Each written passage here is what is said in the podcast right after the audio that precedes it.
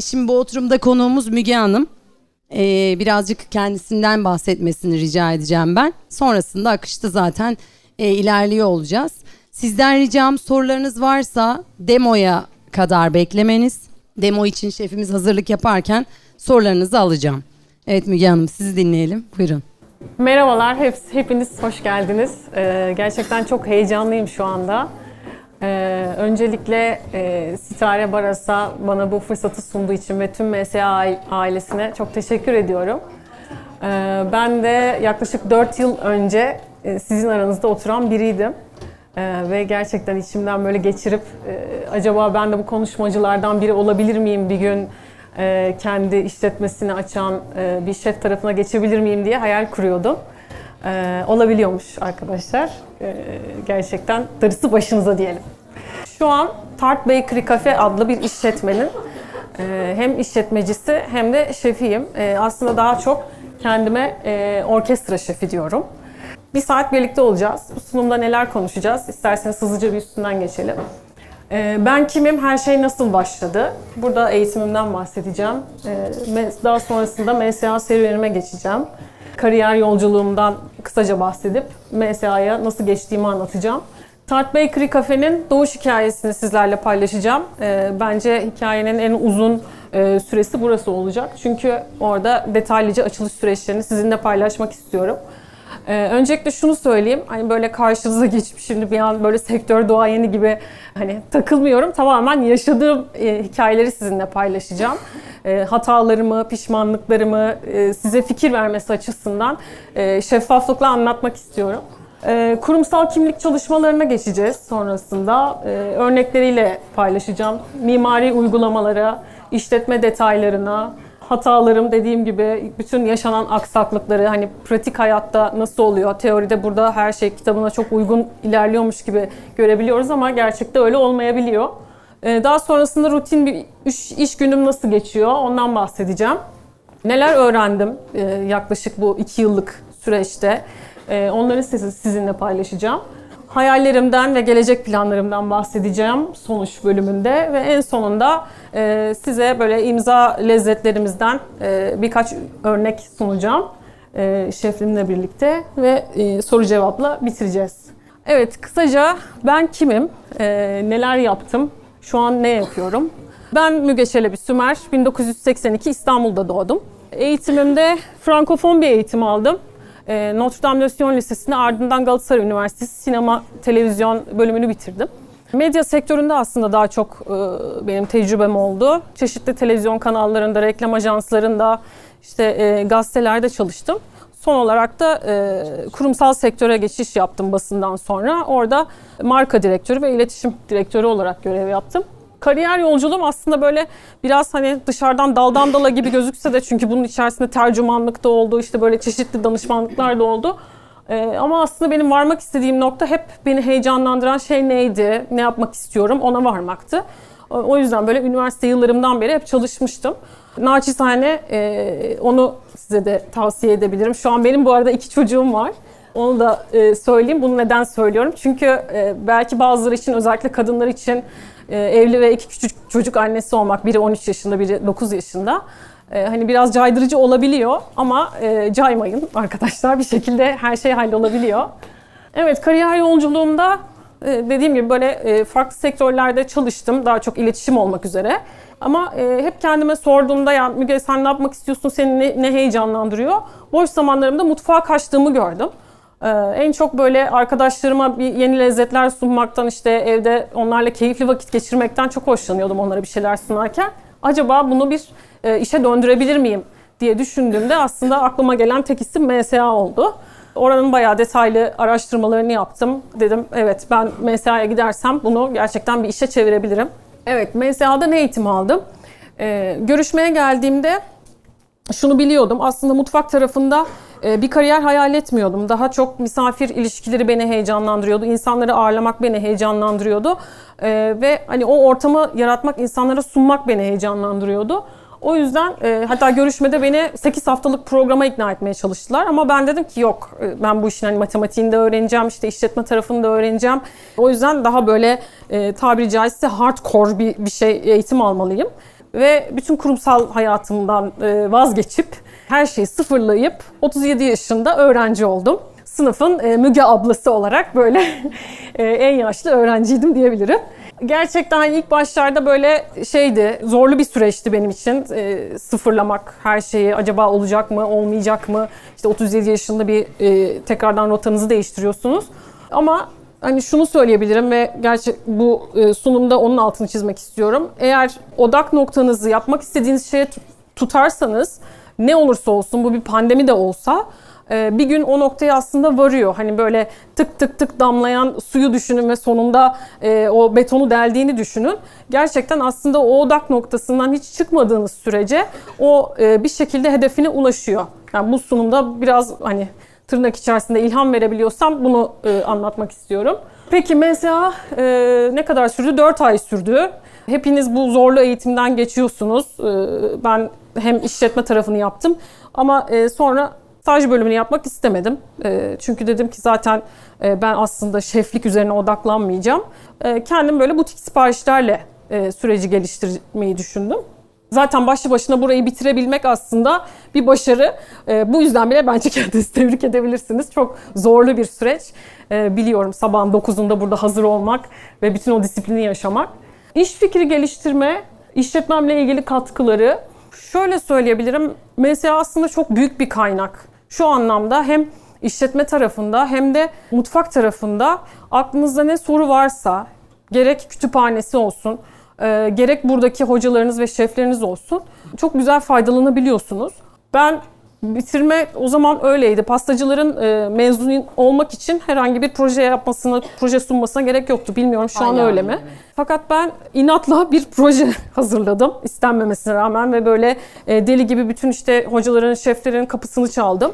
Bu noktada Osman Serim'e, Sitare Baras'a, Mehmet Aksel'e, Cem Kaynağı hepsine çok teşekkür ediyorum. Çünkü sabırla benim bir sürü sorumu cevapladılar. Yine naçizane bunu tavsiye edebilirim. Eğer bir iş fikriniz varsa kesinlikle onu bir kaleme kağıdı dökün e, ve herkesin kapısını çalın. Başta burası dediğim gibi çok büyük bir kaynak ve insanlar size yardımcı olmak için elinden geleni yapıyorlar. İş fikri geliştirme yani burada zamanla tabii o fikir oluştu. Mesela bana o işi nasıl yapacağımı, o yol haritasını güzel göstermiş oldu. E, kendime her şeyden önce güvenim geldi. Ya evet aslında o kadar da zor değil bir yerden başlayınca gidiyor gibi. O noktada e, ben dedim ki niş bir alanım olacak. Hani böyle nasıl işte pidecidir, pizzacıdır, bir şeydir yani. Tek bir şeydir ve onun üzerine uzmanlaşır. Ben de hani bir alan bulacağım kendime. Ve bunu tart olarak seçtim. Neden tart olarak seçtim? Çünkü bence hem tatlı hem tuzlu tarafta e, oynanabilecek bir malzemeydi. Hamuru kolay açılabilecek, mayalanma istemeyen, operasyonel olarak rahat bir malzemeydi. O yüzden tart üzerine düşündüm ve e, dosyamın ismini Tart Kafe olarak yaptım. Sene 2019 mezun olurken ve şu an Tart Kafe adında bir işletmem var. Yani kağıt üzerinde bir şeyi somutlaştırırsanız ve rasyonel ise bu bir şekilde oluyor. Mesela bitince neler yaşadım? Ee, az önce sizin de tiyo verdiğiniz gibi 2019 sonunda işte 2020 Ocak'ta bitti. İki ay böyle deliler gibi dükkan aradım. Tam dedim buldum açıyorum ve ne oldu biliyoruz. Pandemi oldu. İşte bir an böyle hayallerimi çöpe attığım, iki çocukla evde sabah akşam yemek pişirdiğim e, o iki yıla girdik. Yani gerçekten e, böyle delilikle depresyon arasında geçen e, hepimizin yaşadığı o zorlu süreç. Fakat tırnak içerisinde yine söylüyorum krizi fırsata çevirdim. Şöyle ki bir kere Pinterest benim e, en iyi arkadaşım oldu o dönemde. E, milyarlarca orada dosya oluşturdum. İşte yani burada yer e, döşemesinden tutun işte aydınlatmasına, işte e, rengine, konseptine kadar e, her şeyi mesela o iki yıl bittiğinde kafamda netleştirmiştim. Hani startı verdiğimde nereden başlayacağımı çok iyi biliyordum. Ee, o yüzden hani o süreci o şekilde demlenme süreci olarak nitelendiriyorum. Bir kayıp değil ama e, işte mimarlarla görüştüm, e, aydınlatmacıları gezdim vesaire. Hani kafamda tamamen oluşturmuştum. Gördüğünüz gibi e, burası bizim Tart Bakery Cafe. İstanbul Kadıköy'de yer alıyor. Butik artizan bir fırın. Kendi ürünlerimizi kendimiz üretiyoruz burada. 7 kişilik bir ekibiz. Haftanın 7 günü sabah 9'da başlıyor mesaimiz ve akşam 10.30'a kadar gidiyor. Yazın e, saatleri ileri alabiliyoruz. Özel sipariş üzerine hem tartlar yapıyoruz hem işte paket serviste çalışıyoruz. Tamamen böyle butik bir e, sokak arası işletme yaptık. Peki açılışa geçiyorum. Soruları sona atıyorum. Arkadaşlar varsa. E, Tart Bakery Cafe'nin açılışı. E, girişimcilik. Hani böyle e, ben şöyle tanımlıyorum. E, girişimci kim olur? Hani böyle küçükken e, misafirlikte, piknikte hep sor, sorun çıkaran, başına olaylar gelen bir çocuk varsa bence o bir gün girişimci olabilir. O çocuk bendim. Hani ne zaman bir yere gitsek böyle yaralanan, işte olay çıkaran falan böyle o çocuktum. Bence hani bazıları risk alabilen grupta, bazıları da daha güvenli limanlarda kalan insan grubu. E, onlar orada daha huzurlular. Ee, ben hani risk alabilen gruba geliyorum. Tabii ki bunlar hep uygun şartların oluşması çok önemli. Ama e, yaratılış olarak girişimcilik ruhu bence öyle bir şey. Risk alabiliyor ve bunun sonuçlarına katlanabiliyorsanız o zaman girişimci olabiliyorsunuz. Kafe açılış süreçlerinde iş fikri ve modeline değindim aslında. Dediğim gibi tamamen böyle niş bir alana odaklanacaktım. Bu da tart oldu benim için. Hani e, tart üzerine ilerlemek istedim. E, mimari ve yapısal öneriler. Şimdi bir kere e, yapısal önerilerde İstanbul'da iskanlı bir yer bulmak çok zor. E, bunun bu kadar karşıma engel olarak çıkacağını hiç düşünmemiştim. E, bir yerin iskanı yoksa ruhsat alamıyoruz. E, bunu o zaman öğrendim mesela. O yüzden başlı başına bu bir eliminasyon oldu. E, mimari tarafta e, yine bunun üzerinden gitmem gerekirse hem renk olarak tartı çağrıştırsın istedim. Hem böyle bir yaşanmış sanki işte Avrupa'da sokak arasında bir işletmeymiş, lokal bir bakery'miş gibi. Bir dönem ben Belçika'da okudum. Orada da mesela bu fikrin aslında tohumları ekildi diyebilirim. Böyle sokak aralarında küçük küçük işte kendi ürününü yapan taze kahve, taze pişmiş ürün olan yerler vardı. Ee, onlar beni hep çok mutlu etmişti. Bu çikolata filmi vardı bilmiyorum biliyor musunuz? Oradaki o işletme beni hep çok heyecanlandırdı. Hani küçük ama işini iyi yapmaya çalışan insanlardı. Ee, ne zaman da böyle bir şey olsa e, mesela bir yeri tercih edecek olsam küçük bir işletmeye şans vermek isterim. Mimari tarafta başka atlamak da istemiyorum aslında. Size aktarmak istediğim şeyler var. Evet su konusu çok kritik. Ee, mesela şunu biz atlamışız. Ee, mutfakta mutfağın ortasına, köşesine bir yere mutlaka gider koyun arkadaşlar. O su bir şekilde taşıyor. Ne yaparsanız yapın. Ee, bir yerden e, hani bir taşma yaşıyorsunuz. Ya çaydanlık akıtıyor ya işte bulaşık makinesi bozuluyor ya buz makinesi bozuluyor mutlaka mutfağa bir gider bırakmakta fayda var. Ha, bu arada böyle işte şunu yapın bunu yapın gibi böyle e, dediğim gibi şey konuşuyorum belki ama tamamen dediğim gibi yaşadığım olaylar üzerinden aslında sizinle paylaşmak istiyorum. Dış kullanım. Dış kullanım çok kritik bu kadar çok sigara meraklısı bir toplum olduğumuzu bilmiyordum. Ee, ben e, ve eşim hiç sigara kullanmıyoruz. O yüzden de hani böyle bizim için o hani kullanım zorunluluğu hani çok anlayabildiğimiz bir şey değildi. Ama yaz kış insanlar bayağı dışarıda oturmak istiyorlarmış. Küçük de olsa mutlaka bir dış kullanım alanı olsun. Altyapı sistemleri çok önemliymiş. Ee, özellikle su, elektrik, e, internet hani yapabiliyorsak e, fiber olsun. Çünkü bunlarla çalışıyoruz. Isıtma ve soğutma hani klima sistemleri e, bunlar çok önemli. Özellikle biz küçük bir işletmeyiz. Onu söyledim mi baştan bilmiyorum. İçerisi 25 metrekare, dışarısı 15 metrekare bir işletme. Ve hatta ben bu kadar küçük olunca ama ne var canım işte biz bunu hemen bir ayda toparlar açarız diye düşündüm. Sadece projelendirme kısmı bir buçuk ay sürdü. Küçük olmasında da şöyle bir dezavantaj oluyormuş onu anladım. Her şeyi e, santim santim hesaplayıp yerleşti. Yani biz çaydanlığı bile e, işte şu kadar alan kaplar tezgahta. Şu an şefimle bir e, metrekarelik bir tezgahta e, ürünlerimizi açıp yanındaki işte e, butik fırında e, pişirmeye çalışıyoruz. E, o yüzden hani e, küçük alanda ekstra projelendirmek zormuş. Ekipman önerilerine geçebilirim şunu söyleyeyim. Hani baştan böyle gaza gelip diyeyim. Her şeyi almamak lazım. Bizim şu an mesela depoda bekleyen e, bir takım kullanmadığımız e, cihazlar var. Hani şunu da yaparım, bunu da yaparım gibi düşünüp böyle çok yatırım, bir heves e, yapabiliyoruz. Siz bu hataya düşmeyin. Ben yaptım. Ay işte ekmek de yaparız, şunu da yaparız, taşını da alalım filan. Gerçekten çok gerçekçi olmuyor bunlar. İhtiyacımız olunca almak. Önce bir menüyü şekillendirmek. Ana ürünüm ne? Tamam. Bunun için ne gerekiyor? İşte iyi bir fırın, iyi bir kahve makinesi, iyi bir buzdolabı ve buz makinesi ve mutlaka eksi dolabı gerekiyor. Burada hani üzülerek şunu söyleyebilirim. Maalesef yerli üretim olanlarda aradığımız mutluluğu biz bulamadık. Bayağı böyle iki ayda bir servis çağırdığımız e, durumlar yaşıyoruz. O yüzden ana cihazları bence hani dünyada bilinir, işte gerek parçası, servisi rahat olan firmalarda o bilinen birkaç marka var zaten. E, onlarla çalışmanızı tavsiye edebilirim.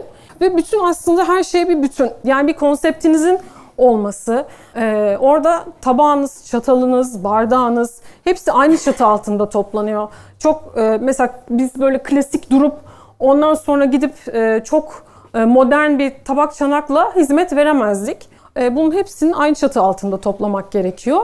Ekipman tarafında da biraz şeyi açmak gerekiyor maalesef. E, kesenin ağzını. Keşke böyle yani Ikea'dan aldığımız 3-5 sandalyeyle bir dükkan kurabilseydik ve çok az maliyetli olsaydı.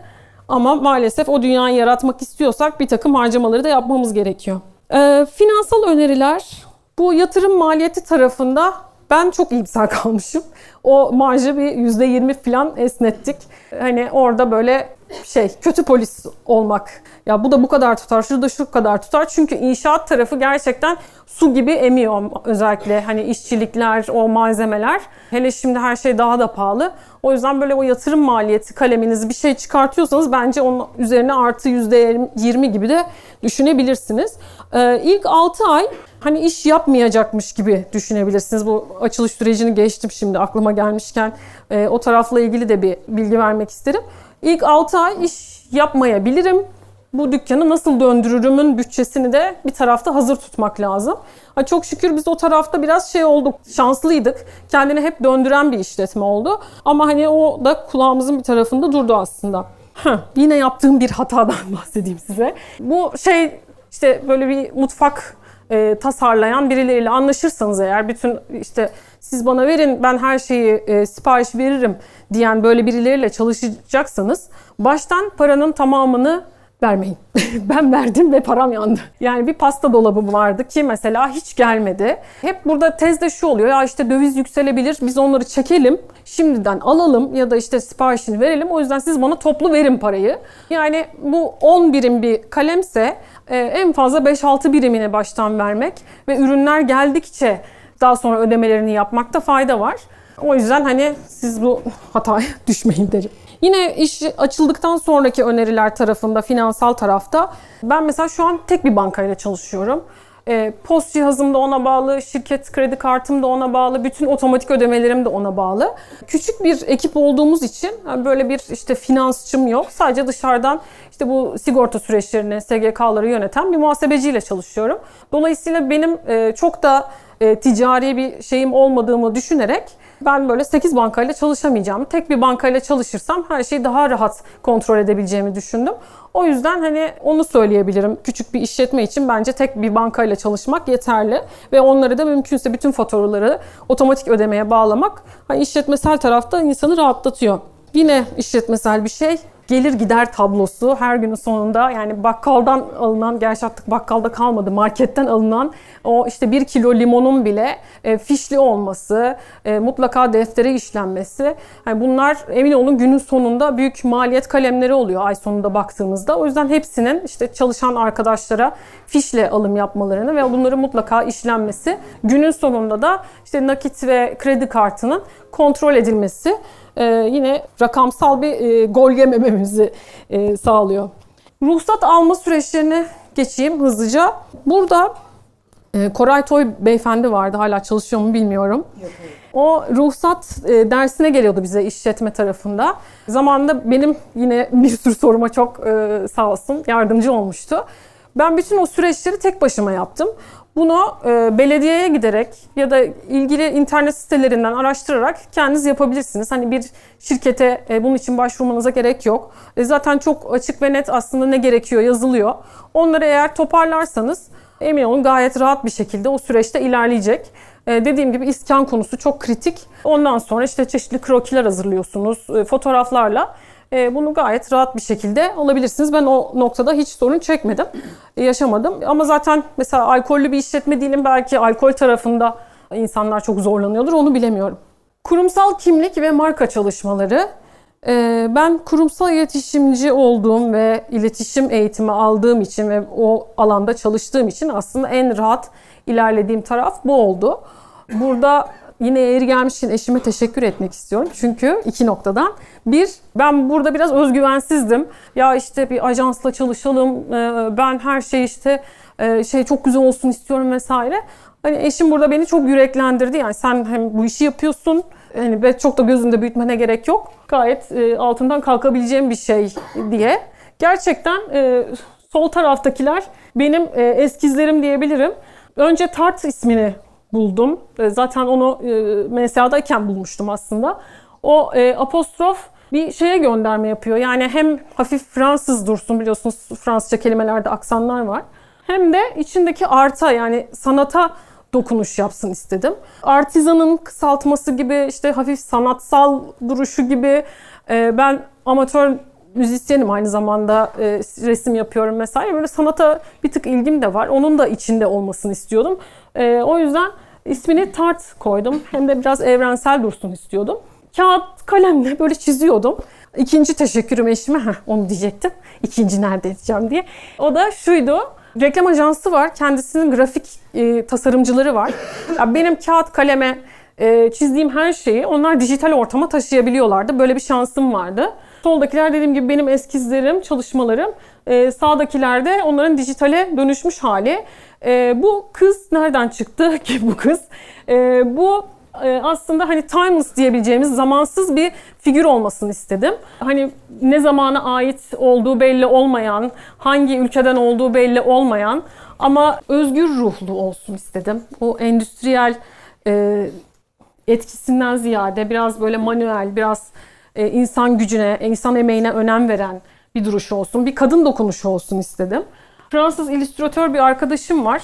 E, kendisi Lyon'da yaşıyor. Onunla böyle WhatsApp mesailerimiz üzerinden bu kıza karar verdik. Onun o özgür ve neşeli ruhu da e, gerçekten ben tarta yakıştırıyorum. Markalarımızı tescilledik. You Bake My Day diye bir slogan bulduk. Bunların hepsi tescillenmiş ürünler. En az 5 yıllık tescilleniyor. Yine naçizane size de onu tavsiye edebilirim. Ee, birileri e, sizin taklit etmemesi için koruyucu oluyor. Evet bu çalışmaların hepsini kurumsal kimlik dediğim gibi bir bütün olmalıydı. Her şeye ortak yansıması olmalıydı. İşte peçetelerimize, ıslak mendillerimize, e, takeaway bardaklarımıza hepsini kullandık. Mesela şu yine benim tasarımım. İşte böyle ölçüyorum, biçiyorum. Ondan sonra çocuğa gönderiyorum. Çocuk da tasarlıyor ve gönderiyor. Bu bizim menümüz. E, bu yine e, stickerları işte e, kullandığımız paketlerimiz, e, poşetimiz. E, şu magnet yine altıgen şeklinde tasarladık. O altıgen formunu da hem biraz modernize bir yuvarlak tart olsun diye düşündüm. Hem modern hem çağdaş böyle arasında olsun istedim. Dükkanı nasıl devraldık? Aslında bu şekilde tam bir müteahhit dükkanı olarak devraldık. Altı e, böyle beyaz e, fayanslar, yere kadar doğramalar. Evet burada e, gerçekten harcama yaptık yalan söyleyemeyeceğim. Biraz e, harcama yaptık ama o e, dediğim gibi aurayı vermek için e, biraz total bir değişiklik yapmamız gerekiyordu. Sonra bu noktaya varabildik. Local, global ve local, küresel, yerel ikisini birleştirdiğimiz bir konsept olmasını istedim. Ben İngilizce, Fransızca ve Türkçe biliyorum diye kendimin yansıması. Aynı zamanda bir tarafımız Trabzonlu. Bütün tartlarımızı da Trabzon tereyağı ile kullanıyoruz. Evimize gelen o Trabzon tereyağı şu şekilde bilmiyorum gözüküyor mu? Trabzon batır olarak onu da cama yazmak istedik. Ee, iç mekan tasarımında dediğim gibi burası aslında artık benim yeni evim, yeni salonum gibi yaklaştığım için ben tamamen dedim ki evimin salonunda kendi yaptığım resimleri artık kendi evimin salonu burasıymışçasına e, bu resimler bana ait. Onları içeriye koyduk. Operasyonel olarak Anlatacağım şurada operasyonel fikirler ama bu resimden de faydalanmak istiyorum. Açık mutfak çalışıyoruz. Az önce bahsettiğim gibi bir metrekarelik bir tezgahımız var. Şurada ürünleri açıyoruz. Bu bizim hamur açma makinamız. Ee, yanında butik bir fırınımız var. Bu tarafta bulaşık makinesi, lavabo. Burada buzdolabı. Ee, yan tarafta da kahve e, makinamız var.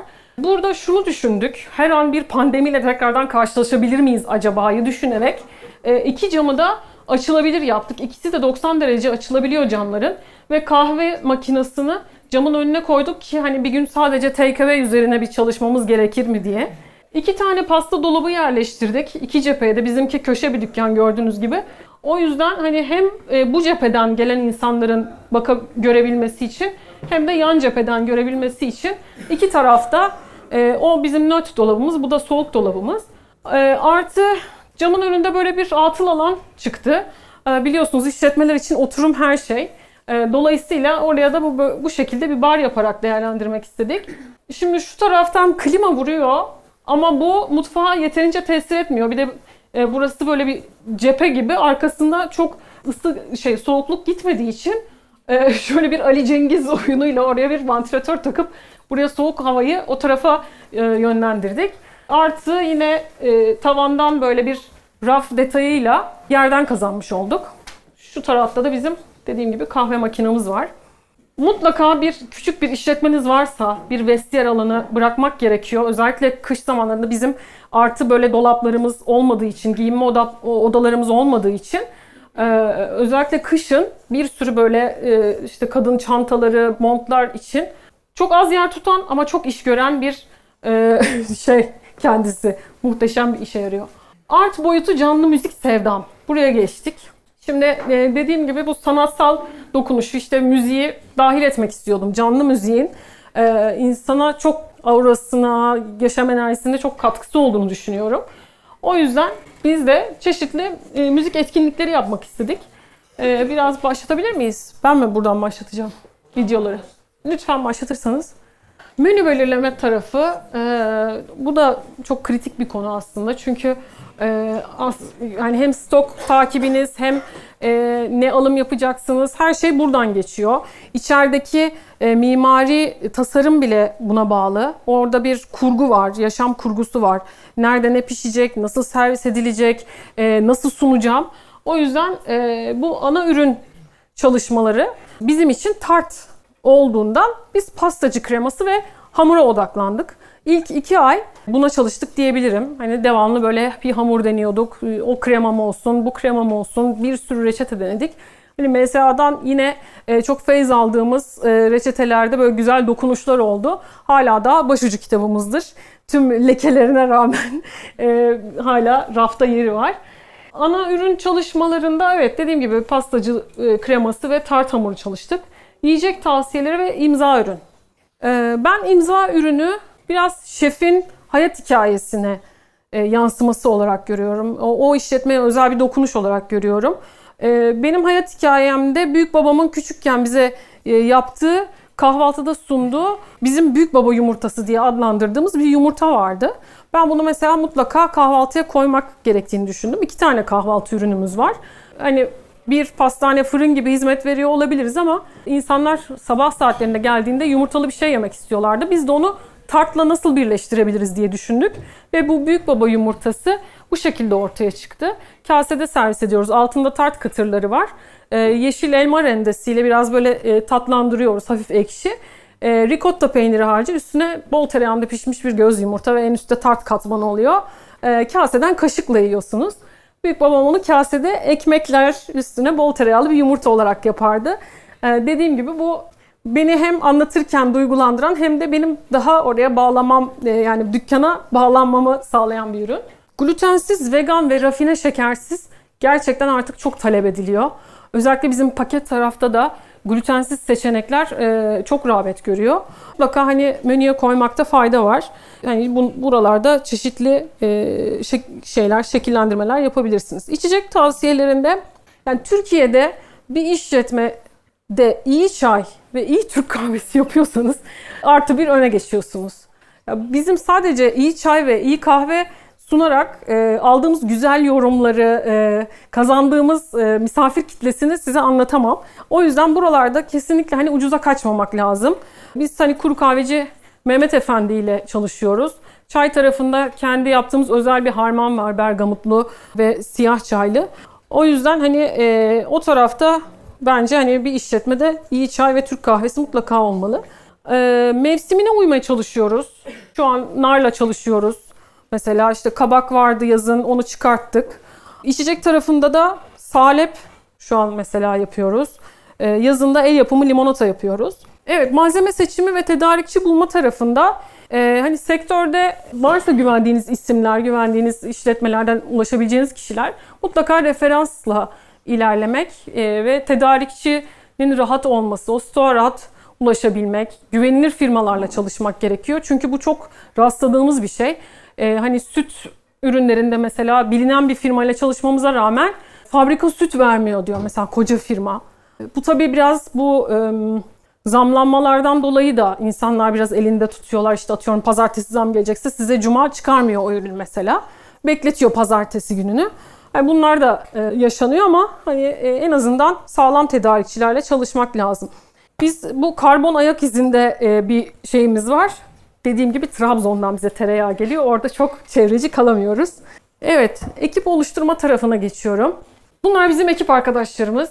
Ee, insan kaynakları, e, aslında bu işin bence hani yüzde yetmişi falan diyebilirim. Çünkü siz ne kadar en iyi ürün yapmaya çalışsanız da o servis personeli suratsızca o tabağı misafirin önüne veriyorsa hani emin olun o kendi gelmeyeceği gibi bir 10 kişiyi daha götürüyor. Dolayısıyla ben hani her görüşmemde her birini e, ekibe dahil ederken onun ne kadar pozitif, ne kadar güler yüzlü olduğunu anlamaya çalışıyorum yardımsever olması, naif biri olması, yani kurum kültürü olarak ben e, hoşgörü, esneklik, e, sanatı ve doğayı sevmesi, hayvanları sevmesi benim için çok önemli. Tartında böyle bir marka olmasını istiyorum. Hatta homofobik bir insan olduğunu anladığım anda da o görüşmeyi mesela iptal ediyorum. Bunu bile e, görüşmelerde anlayabiliyorsunuz. Çünkü e, yani kapsayıcı olmalı. Nasıl ki 3 e, dil biliyorum dedim, bütün camlara 3 dilde yazı yazdım filan. E, bu sınırların kalktığını ben e, düşünüyorum. Herkes kendi dünyasında e, başkasını rahatsız etmediği sürece özgür. O yüzden e, ekip arkadaşlarımızın da bu pozitif enerjili ve yardımsever olmalarını çok önemsiyorum.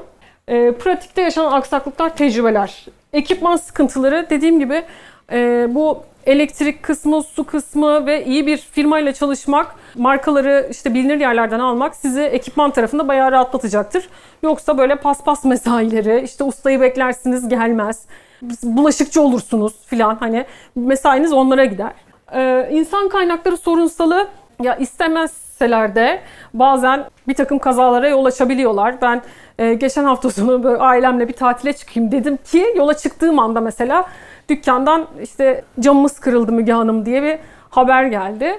Ee, mesela bütün iki saat boyunca ustalarla konuştum, sigorta şirketiyle konuştum. Bunlar olabiliyor. Ee, işletmesel aksaklıklar dediğim gibi tedarikçiler sözünde durmuyor. İşte e, o söylenen e, ürünler gelmiyor ve İstanbul'da yaşıyoruz. Hani elektrik kesiliyor, su kesiliyor. Yani bunlar hep oyunun bir parçası. Bunu neden anlatıyorum? Hani bana belki biri bu kadar da işin sıkıntı boyutu olduğunu söyleseydi o başıma geldiğinde böyle çok paniklemez ve şey olmazdım. Ama tabii bunu yaşaya yaşaya da öğreniyorsunuz. Panik olmamayı. Toplumsal boyutu şöyle en iyi anlaşmanız gereken kişiler aslında komşularınız ve o apartmandaki hem komşularınız hem de esnaf. Ee, çünkü bir şekilde onlara ihtiyacınız olabiliyor. İşte depo alanına ihtiyacınız oluyor. Dolayısıyla hani bir yardıma ihtiyacınız olduğunda hemen civar elektrikçiden o merdiveni alabilmek falan çok kritik. O yüzden onlarla böyle bayram, seyran, işte ikramlaşmak, hatta e, indirim yapmak çok önemli. Ve tinerciler, sarhoşlar, bunlar gelip dükkanınızın kapısına dayanabilir. Ee, böyle işte misafirleriniz oradayken küfür edebilirler. Bu noktada bize MSA'da öğretilmedi ben söyleyeyim. Sigara ikram etmek çok e, kurtarıcı oluyormuş. Bunu gördük. E, hani bir sigara ile uzaklaştırabiliyorsunuz. Zabıta, asayiş bunlarla çok iyi geçinmek gerekiyor. Bizde birçok noktada kamera olduğu ve köşe nokta olduğumuz için hani haftada bir bizden kamera kaydı istiyorlar. Onları geri çevirmemek, ılımlı olmak. Çünkü onlarla e, mutlaka işiniz oluyor. Kafede bir günüm nasıl geçiyor? Dediğim gibi ben aslında şeften ziyade orkestra şefiyim. O yüzden bir günde bütün bunların hepsini yapıyorum diyebilirim. Hepsinden ufak ufak. E, satın almalara ben bakıyorum. Bütün e, işte gerek metrodan gerek çeşitli ulaşılabilir marketlerden ben sipariş veriyorum. E, kurumsal iletişimi bende. E, bütün e, işte yazılı, görsel ne hazırlanacaksa hepsini ben hazırlıyorum. Sosyal medya yönetimini ben yapıyorum. Yani Instagram'dan yazarsanız ben cevaplayacağım. Arge dediğim hani yeni bir ürün ne çıkartalım, e, aa şu gelmiş bunu yapalım mı tarafından tarafını şeflerimizle birlikte yapıyorum. E, mutfağa girdiğim zamanlar oluyor. Yeni bir reçete belirliyoruz. Orada pasta şefliği yapıyorum. Barista oluyorum. E, işte bütün o işte Amerikanolar, flat white'lar, satış ve servis elemanı bu en sevdiğim işlerden biri. Ürünleri tanıtmak ve e, misafirlerimizle ilişki kurmak. E, arada çalıyorum, söylüyorum ve temizlik bulaşık yapıyorum diyebilirim. Sonuç bölümünde bütün bu deneyimlerimden ne öğrendim? Daha önce hiç yiyecek içecek sektöründe çalışmadım ama şu an yaklaşık 2 yıllık bir işletmenin sahibiyim ve grafiğimiz aslında açıldığı günden beri yükseliyor. E, bu beni mutlu ediyor. E, hani ben de kendime soruyorum yani böyle bir iş yapmadım nasıl oluyor diye. Ama aslında prensipte e, bence iş hayatında belli kurallar var. Bence insan kendisini heyecanlandıran bir şey yaptığı zaman e, onu daha iyi yapmak için çaba sarf ediyor. Yani e, bu beni heyecanlandırıyor ve bunu daha iyi nasıl sunabilirimin peşinde oluyorsun. Özgün olmak, tabiri caizse yine kendi ruhundan üflemek o işe aslında kendine katmak işe yine dediğim gibi bir e, katma değer sağlıyor. İletişim konusu çok önemli. Yani bir şeyi nasıl söyle ne söylediğinizden ziyade nasıl söylediğiniz çok önemli. Burada bize okulda öğrettikleri altın bir kural vardı. Kötüyü birebir de iyiyi herkesin içinde söyle derlerdi gerçekten hani birlikte çalıştığınız ekip arkadaşları özellikle kötü bir şey varsa hani kenara çekip konuşmak ama iyi bir şey olduğunda da onu bütün ekibin içerisinde onore etmek e, çok motive edici oluyor. Güler yüzlü hizmet yani biz şu anda e, dediğim gibi işte 2 yıla yaklaştık 120'ye yakın yorum almışız. İlk bir iki yorum dışında ve soğuk çay servis etmişti orada öyle bir e, şeyimiz oldu. Birkaç puan oradan düşmüş.